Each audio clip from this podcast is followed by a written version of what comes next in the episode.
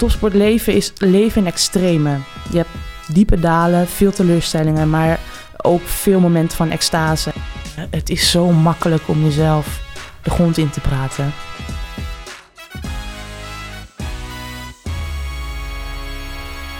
Deze Noord-Hollandse powervrouw staat bekend om haar enorme sprong- en slagkracht. Ze is een opvallende verschijning met haar enorme bos krullen. En zij begon met volleyballen bij De Boemel. Al snel werd duidelijk dat ze heel veel talent had en door kon breken op het hoogste niveau. Op 16-jarige leeftijd werd zij voor het eerst geselecteerd voor het Nederlands volleybalteam. En twee jaar later ging ze mee naar het WK, waar ze direct een basisplaats had. Tijdens de Olympische Spelen in Rio de Janeiro in 2016 was zij één van de uitblinkers aan de kant van Nederland. Maar helaas slaagde het team er net niet in om een medaille in de wacht te slepen. In 2020 besloot zij er een jaartje tussenuit te gaan. Ze nam een sabbatical en richtte samen met Kirsten Knip het duo Knip en Plak op, waar ze volleybalclinics zijn gaan verzorgen voor alle leeftijden. Maar in 2021 keerde zij terug op het allerhoogste niveau en zij lijkt sterker te zijn dan ooit. Ik heb het natuurlijk over Celeste Plak, volleybalster van het Nederlands team. En vandaag praat ik uitgebreid met haar verder. Ik ben Thijs van Dijk en dit is Helden de podcast. Celeste, welkom in de studio. Ja, hi, dankjewel. Fijn dat je er bent. Ja, vind ik ook. Je hebt goed je, je huiswerk gedaan. Dankjewel. Nou, ik hoop dat dit een beetje de power-introductie was eh, die je verwachtte. ja, het kan ermee door. Mooi. Nou ja, elke aflevering eh, beginnen we eigenlijk met een aantal stellingen voor onze eh, gasten. En ik wil je nu alleen even vragen om daar eens of oneens op te antwoorden en nog niet dieper op in te gaan. Dat gaan we later doen. Dus houd voor nu kort en bondig. Oké. Ben je er klaar voor? Ja. De eerste stelling. Eigenlijk had ik misschien wel kickbokser moeten worden. Nee. Het volleybal heeft mij gebroken. Nee. En onder Avital Selinger gaan jullie de ware Celeste Plak weer terugzien. Ja.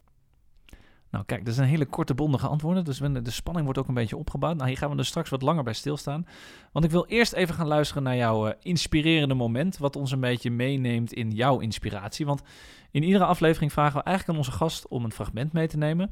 Wat hem of haar geïnspireerd heeft of blijft inspireren. En ja, jij hebt ook een fragment meegenomen. In dit geval niet van een sporter, maar van een uh, hele andere belangrijke persoonlijkheid. Laten we even gaan luisteren wat je hebt meegenomen. Don't talk about what you're gonna do. Don't just dream about what you're gonna do. Don't criticize somebody else for what they're not doing. You be it. Be about it. Be about that action and go do it. Keep your eye on your intention. Don't let any outside distraction or your own insecurity stop you from your goals. Put in that work. There may be more failures than victories. Yes, I've been blessed to have 24 Grammys, but I've lost 46 times. Please don't ever feel entitled to win. Just keep working harder. Surrender to the cards you are dealt. It's from that surrender that you get your power. Losing can be the best motivator to get you even bigger wins. So never compare yourself to anyone else. There will be wins and losses. There will be tears and laughter. You'll feel the shades of life deeply. Now, with success comes challenges. With your wins, you may start to notice people spending a lot of energy trying to tear you down. Try not to take it personally. Unfortunately, it's something that comes along with success. Embrace that struggle. Surviving that struggle will strengthen you from your goals. Know that you're about to make the world turn. Ja, ik ben er ook een klein beetje stil van, van deze prachtige motivational speech van uh, niemand minder dan Beyoncé. We hebben ja. natuurlijk helemaal meegenomen in uh, ja, prachtige quotes. En ja, naarmate ik dit fragment aan het luisteren ben, uh, vind ik hem nog meer toepasselijk dan, dan ik had gedacht. Ja, hij is mooi hè? Ja. Maar vertel mij eens even kort, waarom inspireert Beyoncé jou nou zo erg? Um, nou, uh, mensen die mij inspireren zijn mensen die uh, sterk zijn, krachtig en goed zijn in wat ze doen. Nou, ze kan natuurlijk uh, gigantisch goed zingen. daarbij komt dat je een topconditie nodig hebt hè, om helemaal die performance ja, op te moeten dragen die zij doet. Ehm, met haar succes, ja, dat deelt zij ook met anderen. Ze staat voor anderen klaar. Ze doet vrijwilligerswerk. ze doet van alles goeds voor de mensheid. En ja, ze is al heel jong begonnen. Ze heeft uh, een, een, pittige ja, jeugd, puberteit gehad, altijd al aan het werk geweest. En uh, ja, nog steeds uh, staat ze aan de top. En dat vind ik ja, heel mooi om te zien en, en bijzonder. En herken je daar ook zaken van jezelf in? Zijn er ook dingen waarvan je denkt van, hé, hey, dat, dat, neem ik ook mee? Ik vind het mooi dat zij um, dus ook buiten zeg maar, haar eigen succes dat ook met anderen deelt. En anderen ook daar beter van wil laten worden. En dat is denk ik het grootste. Kijk, tuurlijk vind ik het mooi dat zij uh, goed kan zingen of iets. Nee, trouwens, wel. Dat harde werken wat ze doet, dat, dat inspireert mij ook en spreekt mij ook aan. Uh, want het lijkt zo makkelijk wat ze doet. Kijk, ze, ze trekt de strot open en er komt een gigantisch geluid uit. Maar daar moet ze ook veel voor trainen en hard voor werken. En het is eigenlijk een parallel naar de topsport en het leven wat ik leid. Ja, kun je daar wat meer voorbeelden van geven? Van hoe pas je dat dan toe? Leg dat eens uit. Nou, dat het eigenlijk 24-7 is wat zij doet. Kijk, in de topsport, uh, wij als volleybalsters staan uh, soms zes uur in de hal. Uh, per dag, misschien langer om te trainen. en daarna ben je klaar, moet je je lichaam verzorgen. Dan moet je goed eten, dan moet je goed slapen. En ja, veel reizen naar wedstrijden toe. En dat is eigenlijk ook wat, wat zij moet doen, hè. Haar, haar stembanden trainen. Uh, fysiek in orde zijn, veel naar de gym om uh, ja, al rennend uh, de danspasjes nog goed te kunnen blijven zingen. Ehm, ook veel reizen op toernooi, of toernooi, nee, hoe dat? Tournee. En ook veel mensen die wat van de willen. En dan is het ja, belangrijk om bij jezelf te blijven. En niet met, met ja, iedereen die wat van je wil om je mee te laten trekken. En ik denk dat sterk in haar schoenen staan is iets wat ik helemaal nu de afgelopen, ja, het afgelopen jaar, anderhalf jaar, wat ik heb uh, beleefd, dat dat voor mij bevestigd is dat ik uh, dat het ook een, ja, dat het een goede manier ook voor mij is om, om te leven. En zie je dat nu ook als jouw nieuw hervonden kracht dan? Dat je heel erg weet van nou, wat je wel wil en wat je niet wil in het leven als topsporter? Ja, ik ben veel zelfbewuster geworden.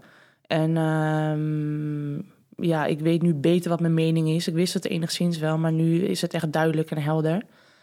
En ja, ik denk dat dat het is.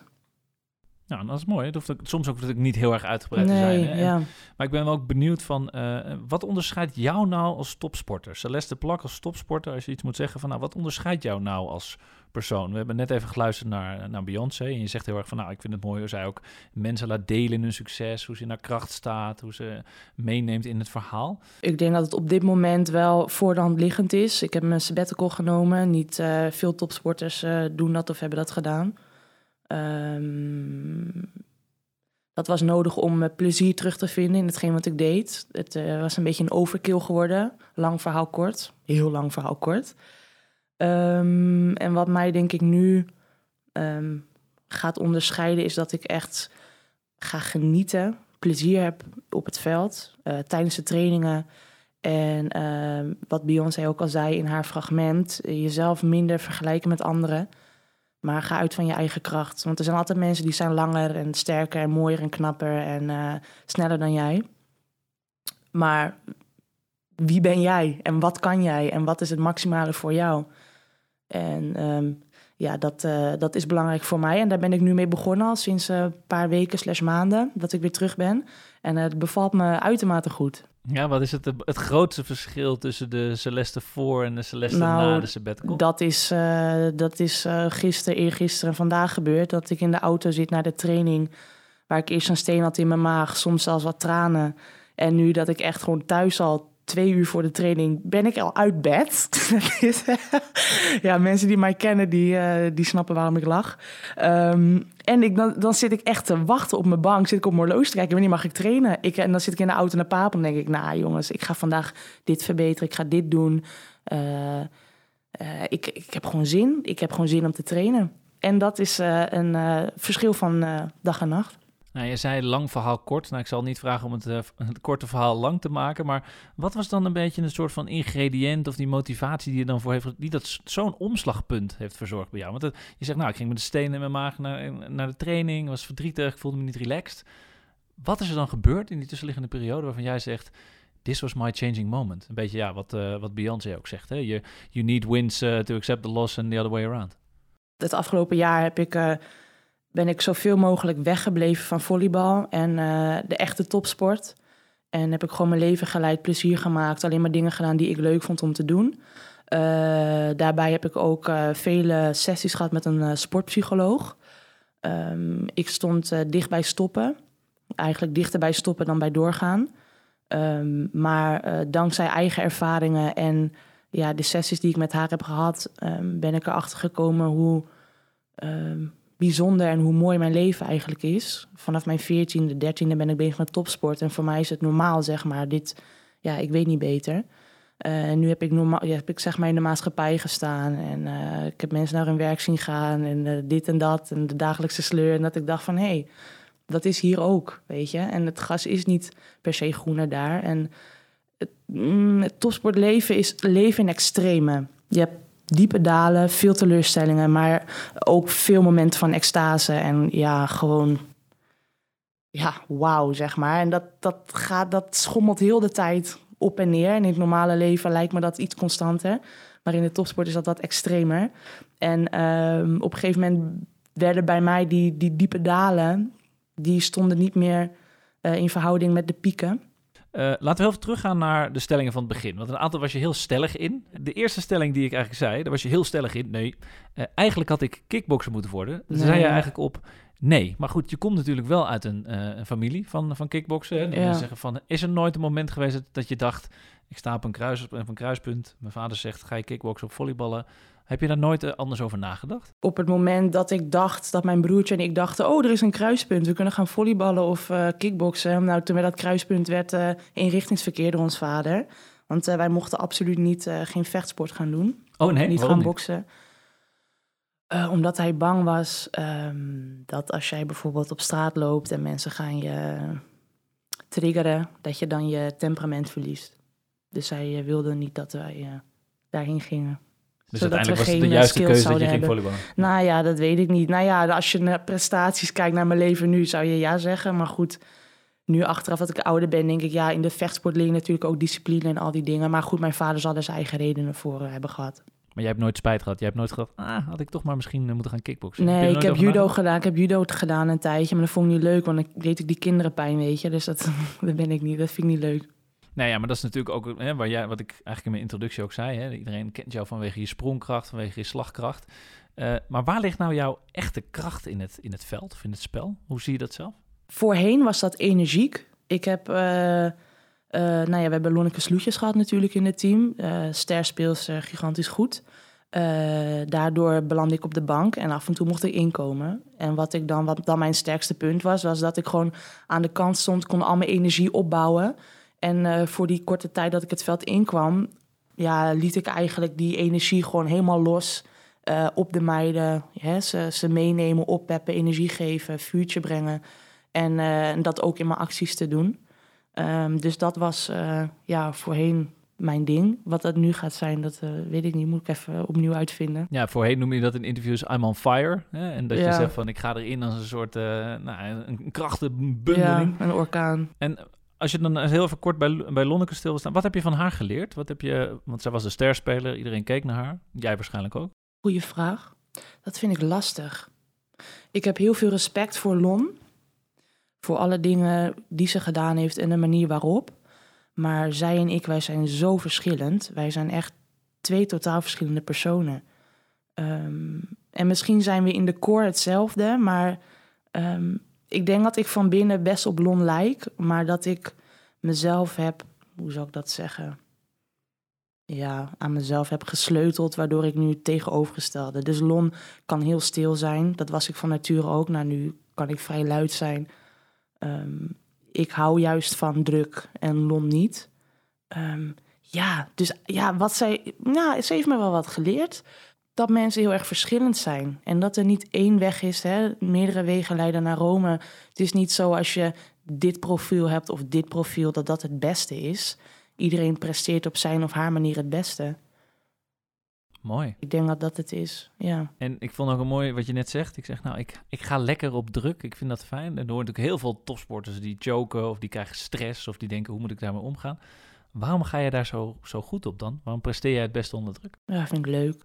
En waarom? Boven de 20, geef mij maar de bal. Dan kijk ik naar Lau, hebben we oogcontact en dan, uh, weet je, dan weet je, oké, okay, kom maar. Ja, weet niet, vind ik gewoon leuk. Showtime. Toch een beetje die, uh, die, dat, dat showgevoel dat je dan kunt hebben van, nou, laat mij maar inrossen die bal. En dan uiteindelijk uh, ah, de, beslissende, de beslissende factor zijn. Ja, dat. Ik wil gewoon graag belangrijk zijn voor mijn team. Ik wil ze gewoon graag helpen. En dat is dan de manier waarop ik dat kan doen. Als ik aan de kant sta, dan uh, schreeuw ik mijn longen letterlijk uit mijn lijf. Ja, niet letterlijk. Ze blijven gewoon netjes binnen zitten hoor. Maar dan na de wedstrijd kan ik niet meer praten. Ja, dan ga ik schreeuwen. Ja, dat. Dus dat on fire, dat, dat komt nog steeds wel terug. Ja, en jij, wacht ja. gewoon op je moment of fame en dan... Uh... Ja, fame ook niet. Ik wil niet zeggen dat ik aandachtsgeil ben, dat totaal niet. Maar ehm, ja, als, er- als, er- als er druk opkomt, dan wil ik graag verantwoordelijkheid nemen, laat ik het zo zeggen. Moet je aan mijn teamgenoten vragen of ze vinden dat ik dat goed doe of niet. Maar in ieder geval, ik ben daarmee bezig. En wat zijn nou nog punten waarvan je zegt, nou, dat zou ik nog wel kunnen of willen verbeteren? Bedoel, je zegt, ik ben nog een beetje zoekende naar mijn eh, nieuwe rol als held. Eh, dan gaan we de technische kant op. Dus ik wil meer hoeken kunnen maken. Ehm, en even kijken, wat wil ik nog meer? Ja, blokkerend wil ik ook beter worden. Verdedigend gaat het verrassend goed. Ik weet ook niet hoe het kan, maar goed, eh, ik heb de ballen wel. Ehm, Ja, dat was wel altijd een kritiekpunt op jou, toch? Dat ze zeggen van, nou, laat Celeste maar aanvallen, maar de verdediging... Eh, Pasen, dat ging Pasen, om Pasen. Ja, maar ik sta nu op een andere positie. Dat is ook een reden waarom ik het nu weer heel leuk vind om te volleyballen. Want ik sta op een nieuwe positie. Mijn trainingen zien er anders uit. En het is allemaal weer nieuw, dus dat is wel tof. Maar goed, dat ging om passing. En dat doe ik nu niet meer, want ik ben veranderd. Ehm, ja, dat zijn dan dingen die ik wil veranderen, denk ik. Oh ja, ook nog genieten. Meer genieten, niet te veel nadenken. Als ik in mijn hoofd ga zitten, dan word ik verkrampt. En dan Weet je, paarden die hebben van die oogkleppen op. Zo word ik dan, maar dan wordt het wild. Dan zie ik niks meer als ik ga denken. Dus zolang ik me chill voel, in mijn flow zit, weet je wel, dan, dan loopt het allemaal wel, loopt wel los. En dan ga ik goed. Dus dat is een aandachtspunt voor mezelf. Genieten en niet te streng zijn voor jezelf. Wees lief. Dat heb ik echt geleerd. Wees lief. Want eh, het is zo makkelijk om jezelf de grond in te praten. En eh, heb ik ook regelmatig gedaan. En eh, ja, zelfkritiek is goed, want je moet ontwikkelen en beter worden. Maar soms moet je ook gewoon even kijken in de spiegel en denken: Goh, dit heb ik wel goed gedaan. En dit ging goed. En ja, ik kan het eigenlijk best wel goed. Mooi. Nou, een klein beetje duiding voor de luisteraars over hoeken maken. Dat gaat natuurlijk over Oh, hoeken sorry, maken, ja, aanvallend. Ja, aanvalshoeken, ja. en dan, Rechtdoor, diagonaal, diep in de hoek. Rechtdoor, diep. Of een keer een tipje. Nog een aandachtspunt. Daar ben ik ook wel benieuwd Ja, naar. Als jij een keer een tipje gaat Ik doe maken. alleen maar rossen, weet je. Gewoon eh hengsten geven aan die bal. Maar je moet ook een keer tippen. Want ze staan bij mij soms helemaal achter het veld. Hè, buiten de lijnen achter. Ja, lieve luisteraars, bij de volgende wedstrijd, als jullie Celeste een tipje zien doen, dan hebben we dat hier geïntroduceerd. Ja, ja, ja. Je moet eigenlijk zo'n shotspel daarvan maken. Iedere keer er dat een, ze les eh, een tipje weer een shotje leggen. Iedere keer eh, kom- komt er een beloning. Ja. Nou goed, dan wil ik even een, een bruggetje leggen naar de, de, de volgende stelling. Want die wordt even wat, weer wat serieuzer. We hebben natuurlijk nu Oh. een beetje gehad over jouw kracht en over jouw, eh, Ja. de dingen die je nog wilt ontwikkelen. Maar ik was wel, eigenlijk wel een beetje nou, verrast dat je zo stellig nee zei op de stelling... het volleybal heeft mij gebroken. Kun je daar iets meer over vertellen? Want ja, je bent toch ergens op een bepaald punt gekomen... dat je dacht, nou, die prestatiedruk... ondanks dat je bij 2020 je lekker voelt... ja. heb je toch een beslissing genomen op je, was je 3, 24... om er even tussenuit te gaan. Vertel me daar eens even wat over. Nou, dan gooi ik er meteen een anekdote in. Dat was een tijdje geleden. En eh, mijn struggles heb ik altijd voor mezelf willen houden. En niet eh, te veel met anderen delen. Niet met mijn teamgenoten. Want eh, het is een teamsport, weet je. Het draait niet alleen om mij, het draait om het team. En als ik met mijn team over mijn moeilijkheden ga praten... misschien gaan ze zich dit, dat aantrekken. Ehm, nu achteraf weet ik dat het eh, anders ligt, maar oké. Ook met mijn ouders. Ik wilde ze niet ongerust maken, want ik was altijd van huis. Een kind is altijd weg. En als je weet dat je kind niet gelukkig is, ja, dan ga jij zelf ook niet lekker. Ehm, dus op het moment dat een beetje de verhalen naar buiten kwamen en dat ik begon te praten over wat er allemaal gebeurd is en hoe ik me heb gevoeld. En bij mijn familie natuurlijk nog iets uitgebreider gedaan. Op een gegeven moment zei mijn moeder: ehm, Als ik wist, ehm, als ik van tevoren had geweten dat dit allemaal zou gebeuren, dan had ik jou eh, op je dertiende nooit naar die selectietraining gebracht. Ik zei, nee mam, juist, ik ben zo blij en dankbaar dat, je me, dat, dat we daarheen zijn gegaan. Want ik heb zoveel geleerd, zoveel gezien. Ik heb mensenkennis opgedaan. Ik ben vroeg al volwassen geworden. Dat heeft natuurlijk ook zijn nadelen, maar ook zijn voordelen. Ehm, ja, ik ben gewoon een heel rijk persoon geworden. Ik heb veel gezien. Ik heb van alles gehoord. Eh, buiten al het veld ook gewoon de, de, de, de andere landen en natuur, eh, eh, culturen gebruiken. En het is niet dat we zoveel zien als we in het buitenland zijn. Maar natuurlijk pik je van alles wat mee. Ehm, nee, ik ben juist dankbaar. En ook dit, dit dieptepunt ben ik ook blij en dankbaar voor. Want dit heb ik dus nodig gehad om nu te zijn waar ik nu ben. En ik ben zo ontzettend blij met mezelf op dit moment. En ehm, ja, als ik dit leven tot nu toe niet gehad zou hebben, dan zou ik een heel ander persoon zijn. Geen idee waar ik beland zou zijn geraakt.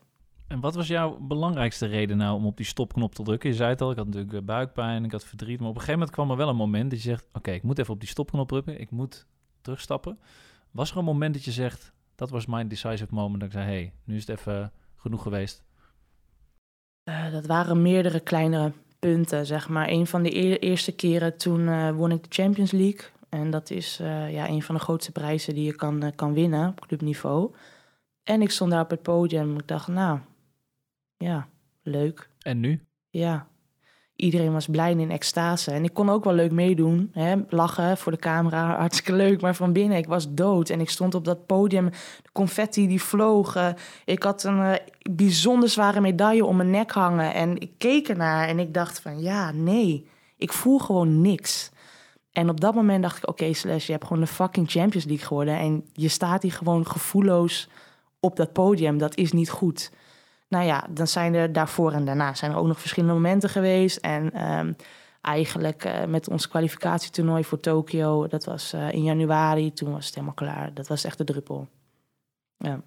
Ja, je bent niet de enige natuurlijk die hiermee te maken heeft gehad. Eh, Lonneke Sloetjes, Kirsten Knip, maar ook in andere sporten. Yvette Brog, uh, Nieke Groot, Tom Dumoulin. Die zijn ook, ja, ondanks een soort van last gehad van een, ja, ik noem het maar sportburn-out, even in de volksmond. Um, ja, het lijkt een beetje vaker voor te komen. Praten jullie daar ook onderling over? Praat je daar dan ook met, met je mede-topsporters over van hoe zij ermee om zijn gaan? Goeie vraag. Ik denk dat in de topsport um, moet je altijd sterk zijn in de beste en de meest weerbare, uh, waardoor het uh, moeilijk is om je kwetsbaar op te stellen. Um, dus uh, ik denk inmiddels is het in ons team best wel. Het is oké om erover te praten. En anderen vragen ook vaker naar gevoelens, merk ik. Dus dat is een hele goede ontwikkeling. Uh, maar ja, om er met andere sporters over te gaan praten, die wil ook niet per se de vuile was buiten gaan hangen. Uh, wat ik begrijp. Um, maar goed, ik denk dat er ook wel verandering in zou kunnen komen. Ik heb een tijdje geleden samen met Edith Bos, oud judoka, en uh, Martijn Smit, hebben wij een, een webinar georganiseerd voor topsporters. Om met elkaar gewoon in een groep, in een praatgroep te gaan en gewoon te zeggen: Oké, jongens, hoe gaat het met jullie? Wat speelt er? Waar lopen jullie tegenaan? Uh, en gewoon om te praten of adviezen te geven of elkaar met elkaar ervaringen uit te delen, uit te wisselen. En gewoon eens te luisteren, hoe gaat het bij een ander? En want je kan je zo bijzonder alleen voelen, maar er ligt een, een, een taboe op. En als je erover kan praten en je merkt, jeetje, ik ben niet de enige, dan uh, dat is heel erg fijn. En die, die webinar was ook bijzonder prettig, zeg maar, een gevoel van saamhorigheid en, en elkaar begrijpen. En ik denk dat dat we vaker uh, ja, over uh, die struggles mogen gaan praten. Toevallig van de week geloof ik dat uh, Naomi Osaka, die tennister, die, dat die er ook over sprak. En dat zijn natuurlijk enorm goede dingen als atleten met zo'n grote status zeg maar, hun mond daarover opentrekken. Dus ik heb het idee dat het langzaam een beetje begint los te komen. En daar ben ik erg blij om. Ja, je hebt natuurlijk nu ook die documentaire van The Weight of Gold, waarin uh, Michael Phelps natuurlijk zijn, uh, zijn struggles ja, vertelt. Een ja. Amerikaanse serie op, op HBO. En eigenlijk wat je zegt, hè, het moet meer zichtbaarder gemaakt worden. Dus misschien is het ook wel tijd dat wij uh, een documentaire gaan maken met, met topsporters die daar misschien wat over gaan vertellen. Maar waar ik gewoon benieuwd naar ben, hè, je zegt nou, we hebben praatgroepen, het is goed om over te praten. Wat zou jij nou aan andere topsporters mee willen geven als belangrijkste advies van de lessen die jij hebt geleerd? Als je nu één advies mag geven aan iedereen die luistert dan kom ik toch weer terug op de wees lief voor jezelf. Maar dat klinkt een beetje soft en misschien werkt dat niet voor iedereen. Um, en hoe breng je dat in de praktijk dan? Dat wees lief, hoe ben jij nu lief voor Celeste? Ten opzichte van uh, dat je dat voorheen niet was, dat je streng was? Nou, mezelf niet de grond inboren als het niet, als het niet goed gaat. Maar juist kijken, oké, okay, wat kan er beter? Dus meer in kansen kijken en niet in uh, in teleurstellingen in jezelf. Teleurgesteld zijn in jezelf is zo kut. dat is zo kut. maar gewoon uh, misschien verwachtingen bijstellen en niet, uh, hoe zeg je dat? Bijstellen. Ja, ik, ik heb mijn doelen iets omlaag gezet. En dat betekent niet dat ik onverschillig ben geworden, maar juist misschien realistisch. En als ik het wel haal, is het mooi als ik nog een stapje hoger kan, begrijp je? Uh, dat zal niet voor iedereen werken, maar voor mij werkt het wel op alle vlakken. En gek genoeg, ik heb nog niet echt resultaten kunnen boeken, want we hebben nog niet echt wedstrijden gespeeld. Maar nu al merk ik dat het voor mij zoveel uh, beter werkt, zeg maar.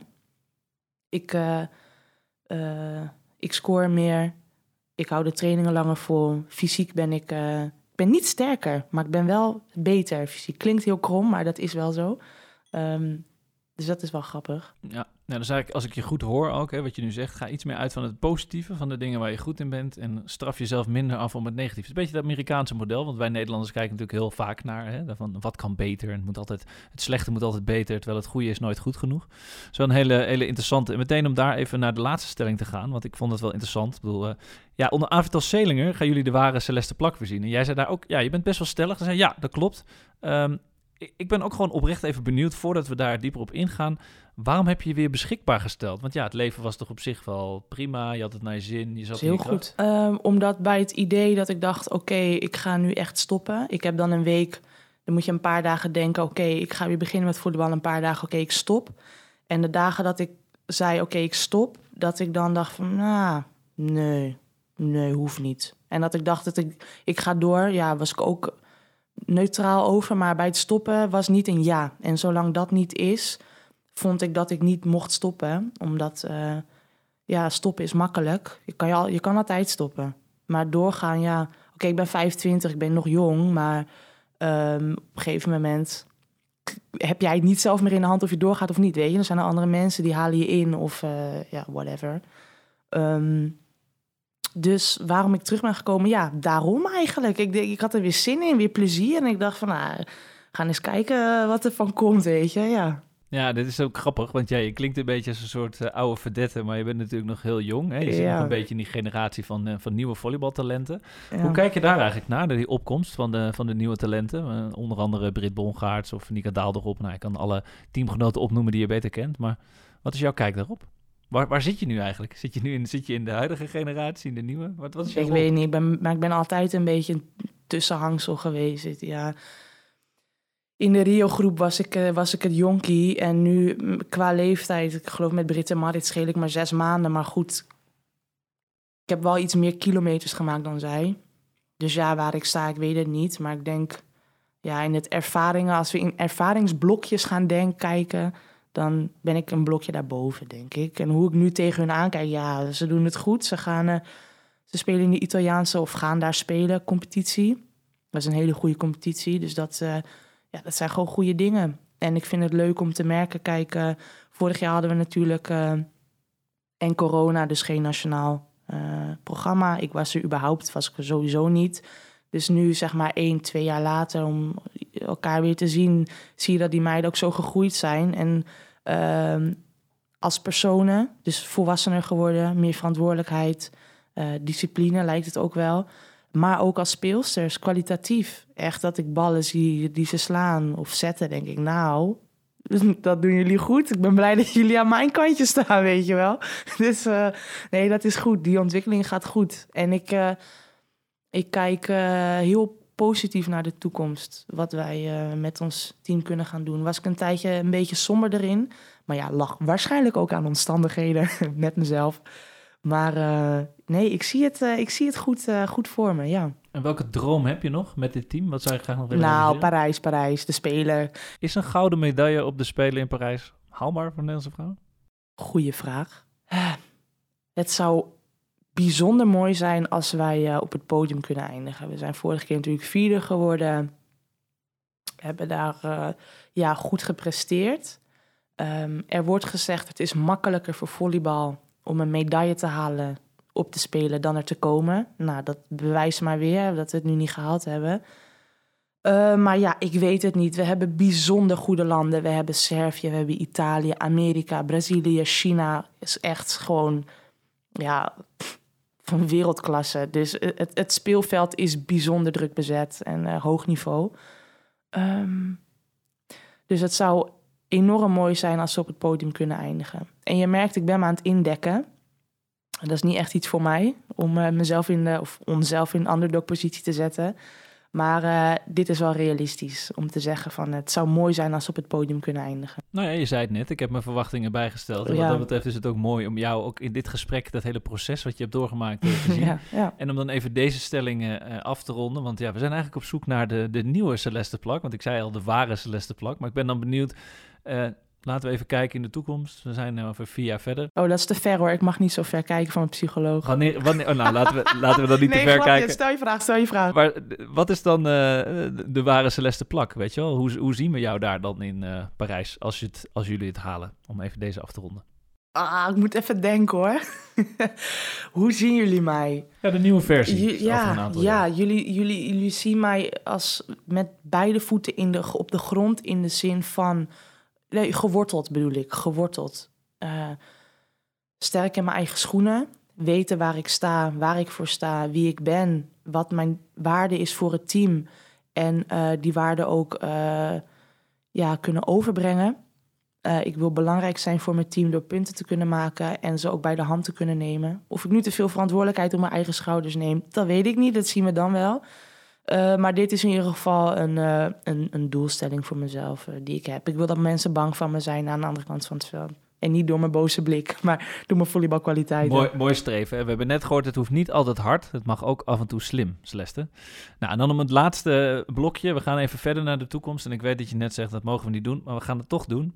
Hoe ben jij op dit moment de jonge generaties aan het inspireren? Vertel je jouw verhaal ook aan, aan jongere volleybalsters? Of aan anderen? Ik moet zeggen dat ik niet heel veel met jonge volleybalsters spreek. Waarom? Nou ja, hier op Papenland zijn wel jonge volleybalsters, maar dan zijn we vooral met ons eigen team aan het trainen. Dus ja, die spreek ik niet. Eh, wel met jonge mensen. Eh, je hebt eh, Rocky Heakaya. Je hebt Wie is de Mol gewonnen voor de mensen, om het wat duidelijker te maken. En, en Huda Lukili. En die hebben samen Favela Street. En dat is een project voor meisjes tussen de 12 en 19 jaar. Om zichzelf te ontwikkelen en te ontplooien. En achter hun talenten te komen. Persoonlijke ontwikkeling. eh, en daarbij een beetje sporten. En eh, ja, daar ben ik, een, eh, ben ik een coach, een trainer. En daar hebben we dan iedere maandag hebben we sessies met die meiden. vooral met immi- immigratieachtergronden. En ehm, ja, gaan we het gewoon hebben over, hè, over die, die, die dingen. Dan hebben we workshops, iedere keer met een ander thema. Bijvoorbeeld eh, conflict, eh, conflict situaties. Ga je aanvallen, ga je in de verdediging, ga je onderhandelen, druk je door. Ehm, en zo probeer ik dan ook mijn ervaringen en eh, mijn kijk op het leven en de wereld op hen over te brengen. Op een pedagogisch verantwoorde manier. Inspirerend. en we hebben net geleerd dat het verdedigen je ook beter afgaat tegenwoordig dan alleen het aanvallen. Ja, dus dat ja, is, ja, eh, dat is mooi, mooie balans. Eh, nou, stel dat we weer over twintig jaar weer zijn. We zitten over twintig jaar zitten weer op Papendal. Eh, hoe hoop jij dat jij herinnerd wordt over twintig jaar? Dat mensen over je? Alsof ik dood ben, man. We zijn dan gewoon wat ouder, dus dan ben je gewoon hier over twintig jaar. Dan Hoe wordt er over de Celeste Plak gesproken. Oh. Wat zeggen mensen dan over jou? Of wat zou je willen dat ze over je zouden zeggen? Ehm, dan hoop ik dat ze zeggen dat ik, als ze naar me, naar me keken, dat ze een vuurtje zagen. Dat ze blij werden om mij te zien spelen en genoten van mijn spel. Eh, en toch ook dat ik een, eh, nou, toch een doorzetter ben. Dat ik niet voor een uitdaging, hè, dat ik dat niet uit de weg ga. Ja, dat denk ik dan. Eh, nou, en als laatste, eh, je ziet hem voor je liggen. We hebben voor iedere gast hebben we een, eh, een tegeltje voor een zogenaamde tegelwijsheid. Wat, is, wat is een boodschap die jij de toekomstige generaties zou mee willen geven? Want ja, deze boodschap die willen we natuurlijk vereeuwigen aan de Helder Wall. Ehm, wat zou je erop willen schrijven? Nou, bij mij, ja, wat voor spreuk past bij mij nou? Misschien gewoon helemaal niks. Ja, Nou, ik denk dat ik de spreuk, ik zal je een beetje helpen in deze. Ik denk dat de beste spreuk die ik je vandaag heb horen zeggen, wees lief voor jezelf. Ik denk dat dat... Zullen we die maar gewoon opschrijven? Wees lief voor jezelf. Nou, dan eh, Celeste Plak, heel erg bedankt voor je komst naar de studio. Ik vond het een eh, genoegen om, eh, om je te spreken. Nou, gelukkig. Dit was Helden de podcast en deze aflevering is terug te vinden op www.helden.media podcast. Volg ons ook op alle social media kanalen en blijf op de hoogte van het laatste nieuws. Laat gerust een review of een reactie achter en laat ons vooral weten wat je van deze aflevering vond. Mijn naam is Thijs van Dijk en tot de volgende keer.